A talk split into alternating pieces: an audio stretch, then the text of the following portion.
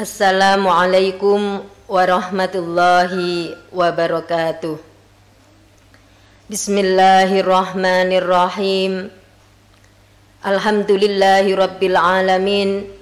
Wassalatu wassalamu ala asrafil anbiya'i wal mursalin. Sayyidina wa maulana Muhammadin wa ala alihi wa ashabihi ajma'in.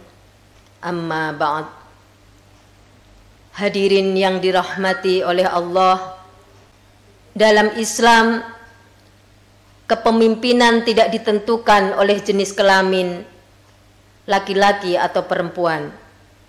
Tetapi laki-laki dan perempuan memiliki tugas yang sama, tugas kepemimpinan atau yang disebut dengan khalifah fil ard, pemimpin di muka bumi.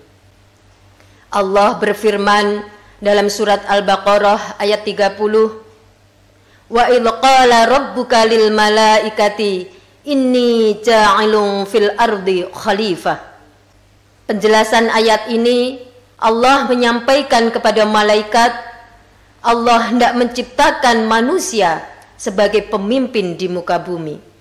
Hal ini menegaskan bahwa tugas kemanusiaan laki-laki dan perempuan adalah menjadi pemimpin dan menciptakan kemaslahatan dan kebaikan di atas bumi.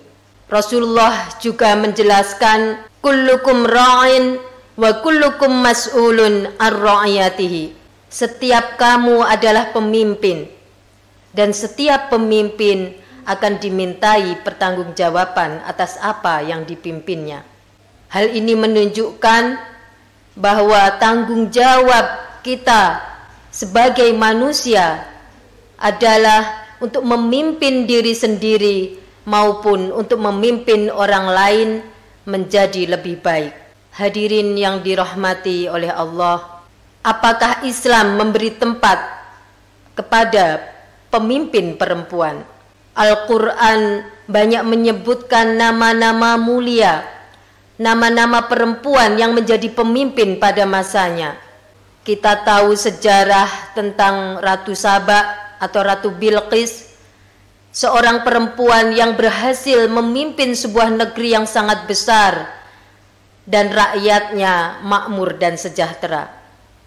Ini adalah simbol kepemimpinan perempuan yang disebutkan dalam Al-Quran representasi atau pengakuan Al-Quran terhadap kepemimpinan perempuan adalah kisah Siti Asia. Istri Raja Fir'aun yang durhaka dan dilaknat oleh Allah. Dengan kemandiriannya dan jiwa kepemimpinannya Siti Asia dipuji di dalam Al-Quran sebagai seorang perempuan pejuang kebenaran. Kedoliman dan kedurhakaan suaminya tidak bisa mempengaruhinya untuk berbuat dolim. Nama lain yang disebut dalam Al-Quran adalah Maryam binti Imran. Karena ketegasannya, bagaimana dia bisa menjaga kesuciannya, kemudian Allah memberikannya anugerah menjadi seorang ibu dari seorang besar, Isa alaihissalam. Hadirin yang berbahagia, tidak hanya di dalam Al-Quran perempuan-perempuan mulia dan menjadi teladan bagi kita semua. Kita tahu nama besar Sayyidah Khadijah, istri Rasulullah Muhammad sallallahu alaihi wasallam yang menjadi pemimpin mendukung dan melindungi Rasulullah Muhammad sallallahu alaihi wasallam dalam mendakwahkan Islam. Siti Khadijah mendermakan hartanya, memberikan sumbangsih tenaga dan pikirannya untuk perjuangan Rasulullah Muhammad sallallahu alaihi wasallam. Nama lain adalah Siti Aisyah. Sayyidah Aisyah dikenal sebagai perempuan cerdas yang menghafal ribuan hadis yang sampai sekarang menjadi contoh bagi kita perempuan muslimah. Ada nama lain seperti Nusaibah binti Ka'ab, Rubayyi binti Muawid yang berjuang di medan peperangan sehingga Nusaibah binti Ka'ab juga mendapat julukan Ummul Asyaf karena banyak robekan pedang pada tubuhnya. Nama lain juga disebutkan adalah Rito, seorang perempuan pekerja yang membanting tulang untuk mencukupi kebutuhan keluarganya. Sehingga Rasulullah memberikan penghiburan kepada Rito bahwa apa yang dilakukannya dalam memberikan nafkah kepada suami dan anaknya adalah sebuah kebaikan dan mendapat pahala. Hadirin yang dirahmati oleh Allah, ciri dan karakter seorang pemimpin dalam Islam lekat dan bisa dimiliki baik oleh laki-laki dan perempuan yang menjadi pemimpin seperti karakter aswidaku jujur al-amanah tanggung jawab al-istiqamah konsisten al-adalah bersifat adil at-ta'awun bekerja sama empati menolong hubul waton, cinta pada negara. Karakter ini tentu tidak hanya menjadi domain pemimpin laki-laki. Tentu bisa juga menjadi karakter atau ciri yang bisa dimiliki oleh seorang perempuan yang menjadi pemimpin. Hadirin yang berbahagia, hal ini juga dikuatkan oleh firman Allah di dalam surat At-Taubah ayat 71 yang artinya orang-orang yang beriman laki-laki dan perempuan satu dengan yang lainnya adalah aulia, penolong bagi yang lain.